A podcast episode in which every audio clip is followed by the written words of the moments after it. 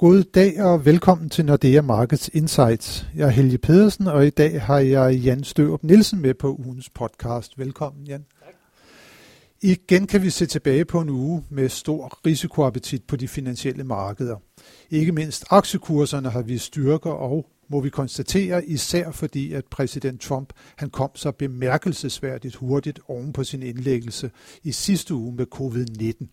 Det danske aktieindeks er derfor tordnet i nye rekorder, mens renterne igen har haft en rolig uge, og dollaren den er blevet svækket. Også olieprisen den er steget igen. Det er alt sammen de her typiske tegn, Jan, som vi ser på, når der kommer risikoappetit blandt investorerne. Og denne her tiltagende risikoappetit, er det også noget, der afspejler sig i vores nye finansielle prognose, som vi lige er kommet på banen med? Ja, det er det. Øhm, jeg vil sige, ikke på den helt korte bane. Der blandt andet på renterne, der har vi sådan lidt, lidt sidelænsbevægelse, men specielt når vi kommer ind i 2021, så tror vi rigtig meget på, at øh, jeg ved ikke om coronakrisen fuldstændig forsvinder, men at øh, enten det lykkes at få lavet den her vaccine, eller i hvert fald at, at, at man bliver så dygtig til at teste, at, øh, at vi sådan får et, et gevaldigt opadgående øh, aktivitetsniveau, og det vil sætte sig, tror vi, i risikovilligheden. Vi tror, at man er risikovilligheden vil stige. Vi vil stadigvæk have centralbankerne, der vil være meget øh, lempelige i forhold til pengepolitikken, og den vej rundt, så tror vi altså, at øh, specielt de lange renter skal højere, og at dollaren skal svækkes yderligere. Dollaren skal svækkes yderligere, og renterne de skal op. Nu sagde du før, at de har været sådan kørt sidelæns. Det har de gjort igennem et stykke tid. Men er der ikke også sådan lidt to modsat rettede effekter på renterne lige nu? Risikoappetitten, der ville trække dem op, og så centralbankernes opkøb, der er med til at holde renterne nede. Jo, lige præcis. Og, og specielt det her med centralbankerne, det er jo virkelig massive øh, tiltag, de er gang i med simpelthen at gå ud og, og støvsuge markederne, specielt for lange obligationer, så simpelthen for at presse, øh, presse renterne ned. Øh, og vi har jo faktisk også i vores forventninger, at den europæiske centralbank kommer til at gøre endnu mere. Øh, nu øh, lavede de, øh, eller kom de med referatet fra det seneste rentemøde her i løbet af ugen, og der signalerede de meget klart, at jamen, de er meget usikre på udviklingen, og en af måderne, de ligesom vil takle den usikkerhed på, det er lempingepolitikken yderligere. Så endnu flere opkøb, øh, endnu, flere, endnu mere likviditetstildeling til bankerne, øh, lempingepolitikken endnu mere. Det er klart, det, altså, det er med til at holde renterne nede.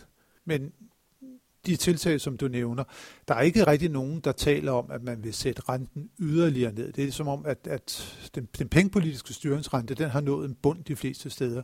Men så er der de andre tiltag her med opkøb. Men hvis vi så kigger lidt fremad, og vi forventer, at ECB øger deres opkøb, kan det så ikke igen være med til ligesom at sikre, at renterne de ikke kommer til at køre op, som vi nu igen forudser, at det kommer til at gøre? øhm, det vil i hvert fald være med til at begrænse stigningen, og det er også derfor, vi ligger ikke op til sådan en eksplosion i de lange renter.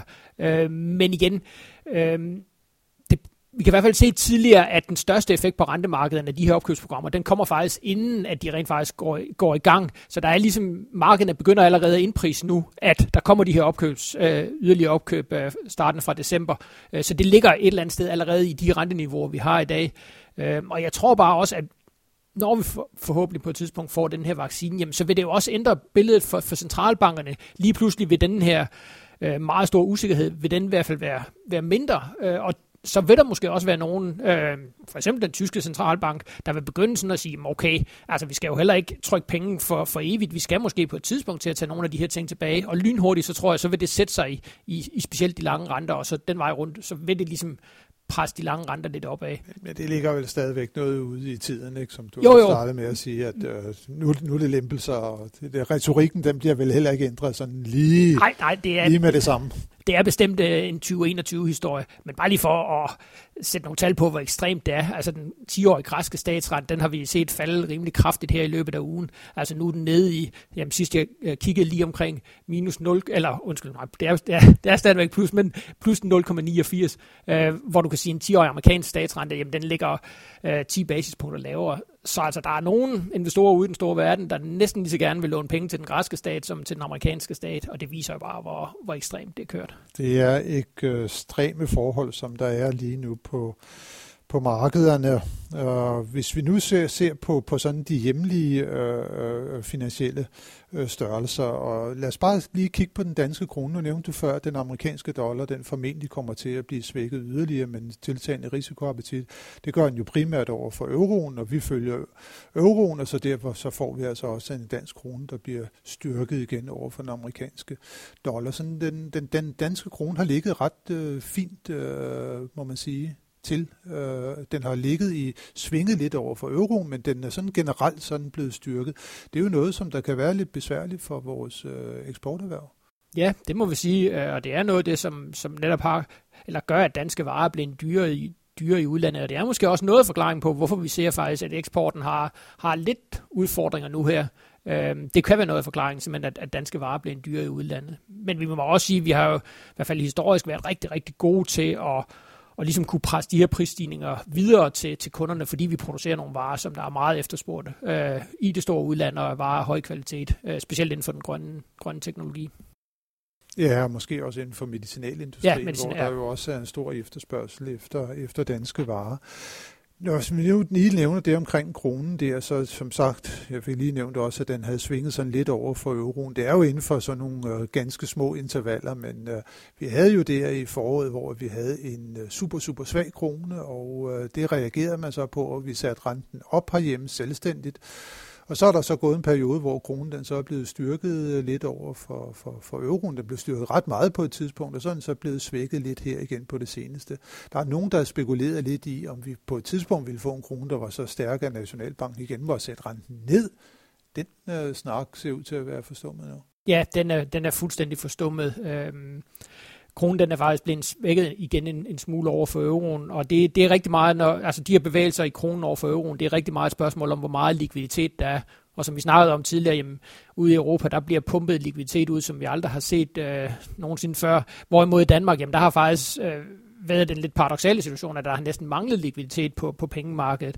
Men altså, nu kommer der også mere likviditet øh, i det danske system, og en af forklaringerne på det, jamen, det er udbetaling af de her indefrosne feriepenge. Øhm, de indefrosne feriepenge, jamen, dem finansierer man, øhm, i hvert fald til at starte med, som, ved at tage et lån i, øhm, i statskassen, eller øh, staten tager et lån og ligesom sender nogle flere penge ud i systemet. Og det er noget af det, som er med til at svække kronen lige nu. Og som du siger, jamen, det bør gør i hvert fald, at, at der, jeg tror ikke, der er nogen, der længere spekulerer i, at, at man, man kunne få en selvstændig rentenedsættelse i Danmark. Så der har vi altså også lige nu øh, en form for en bund. Øh, på, ja, på de pengepolitiske rente, på samme måde som vi ser det øh, stort set ude i, i, i hele resten af verden. Men ja, nu øh, har vi lige fået sådan kommet ind også på, på, på sådan øh, den dansk økonomi. Vi, vi, vi, vi så her i august måned, og det har vi lige fået tal for i dag, der havde eksporten lidt problemer. Omvendt så industriproduktionen i august, den, den, den begyndte at stige igen. Erhvervstilliden, den har været på vej op. Forbrugertilliden, den vender lidt ned. Det er sådan øh, lidt svært sådan at blive sådan helt klog på, på hvor økonomien bevæger sig hen øh, lige nu. Men, men generelt set, så går det vel opad fra, fra en bund, som vi nåede i andet kvartal. Altså tredje kvartal kommer til at blive bedre, og i hvert fald i det, som vi kan kigge ind i, så er det vel meget drevet af den, den, den hjemlige øh, efterspørgsel. Øh, nu nævnte du de der feriepenge, der kommer ud. Det kan vel godt give økonomien et, et godt yderligere boost her i, i tredje kvartal? Jamen det kan det helt sikkert, og der er ingen tvivl om, at når vi får BNP-tallene for tredje kvartal, så vil de vise en, en meget kraftig fremgang. Man kan sige, det er selvfølgelig også på en billig baggrund, fordi det er mål i forhold til anden kvartal, som var historisk svagt. Men altså, vi, og det, jeg giver dig ret i, at det generelle billede for dansk økonomi er, at det går, det går bestemt i den rigtige retning. Det går måske ikke så hurtigt fremad, som vi havde håbet på et tidspunkt, men det går stadigvæk bestemt i den rigtige retning. Øhm, og de her udbetalinger af feriepenge, det ser ud til at blive en, en stor succes. Øh, I hvert fald sådan mål på de forløbige tal, jamen så er der jo rigtig mange danskere, der vælger ligesom at få de her penge udbetalt. Og jeg tror faktisk også, sådan som vi kan høre på, på vandrørene, så virker det faktisk også som om, at der er en del, der rent faktisk går ud og bruger de her penge. Øh, fordi det er jo ligesom den her totrindsraket. Det første er, at vi skal bede om pengene og få dem udbetalt, og det andet er så, at vi rent faktisk skal omsætte dem til forbrug. Og der virker det altså som om, at det, det er et tiltag, der kan give noget ekstra aktivitet. Og helst herhjemme. Helst herhjemme. Øh, det allerbedste, man kan gøre, det er jo netop at, at bruge pengene herhjemme på nogle varer eller nogle tjenester, der er produceret i Danmark. Fordi den vej rundt, så beholder vi ligesom pengene i systemet og får maksimal effekt ud af det. Så den indlandske efterspørgsel, den ser ud til, at den går meget godt, og vi, vi, vi ser jo faktisk også andre indikatorer her, her, herhjemme fra øh, sådan arbejdsmarkedet. Det går jo faktisk også ret fornuftigt. Øh, arbejdsløsheden er faldet over de, de, de, de sidste par måneder. Den er under 5 procent igen. Øh, vi havde et kæmpe beskæftigelsesbortfald øh, i, i begyndelsen af coronakrisen. Så er der så blevet skabt øh, omkring 25.000 nye jobs i, i juni og juli måned, som vi har data for. Øh, der er indikatorer, der tyder på, at også øh, i, i, i august måned er der blevet igen øh, skabt flere nye jobs. Øh, vi har haft en prognose, der sagde, at arbejdsløsheden den skal stige til 6% her mod slutningen af året. Der er stadigvæk måske omkring 30.000 på kompensationsordning, så man skal ikke helt afskrive, at den kan, den kan stige igen, men, men, men det, det ser ud til, at det går lidt bedre. Har vi været for, pessim, eller for optimist, for pessimistiske på, uh, på, på, på arbejdsløsheden. Ja, det, øh, og det er, jo, det er jo et eller andet sted en god nyhed, men det er rigtigt. Jeg tror heller ikke på længere, at vi kommer op på de her 6%, som vi sagde, da vi lavede den, den seneste prognose. Øh, noget af det, vi lagde til grund for det, det var den her stigning ind, ind i efteråret, som, som vi frygter, der vil være i ledigheden. Dels fordi, at kompensationsordningerne blev udfaset, men jo også det her med, at øh, når virksomheder afskeder folk, jamen, så, sker, så har de fleste typisk en, øh, en opsigelsesperiode, øh, som nogle gange der er temmelig lang, og det vil sige, at der går noget tid fra, fra virksomhederne fyrer folk, til de rent faktisk står nede på det lokale jobcenter og melder sig ledige, og den vej rundt kommer ind i statistikken. Og jeg tror faktisk, jeg tror stadigvæk, at de her mekanismer vil gøre, at vi kommer til at se en lidt højere arbejdsløshed ind øh, mod slutningen af året, men altså vi når ikke op på 6%, det, det tror jeg heller ikke, så det er jo et eller andet sted en, en god nyhed. Det er en god nyhed, og vi gik også lidt galt i byen, må vi sige, med boligmarkedet der er boligpriserne, de er bare fortsat med at stige. Ja, og det er jo lige præcis noget af det, som er med til at understøtte uh, hele den her historie om, at det går rigtig godt uh, i den indlandske del af dansk økonomi. Altså, der er jo ikke tegn hverken i sol, stjerne eller hvad der er det, stjernmåne, ja, på at, uh, at boligmarkedet uh, sådan for alvor er ved at køle ned igen. Altså når vi kigger på, på priserne, når vi kigger på omsætningen, så ligner det, at boligmarkedet det fortsætter den her opadgående trend. Øhm, og igen, det er jo en rigtig god nyhed for, for aktiviteten i dansk økonomi. Det skaber noget optimisme, det skaber nogle afledte effekter. Øh, når man køber et nyt hus, jamen, så er det ved mange typisk, så skal der øh, køkkenet renoveres, badeværelset skal renoveres, så skaber det noget aktivitet. Så den, den vej rundt, altså boligmarkedet, det er virkelig, øh, virkelig afgørende for, hvordan, hvordan hele efterspørgselssituationen er i den indlandske økonomi. Og der, det ser altså rigtig positivt ud, sådan som det ser ud lige nu. Så på den måde, der går det meget godt, og du nævnte den, den indlandske del af det, der, der går det rigtig fint.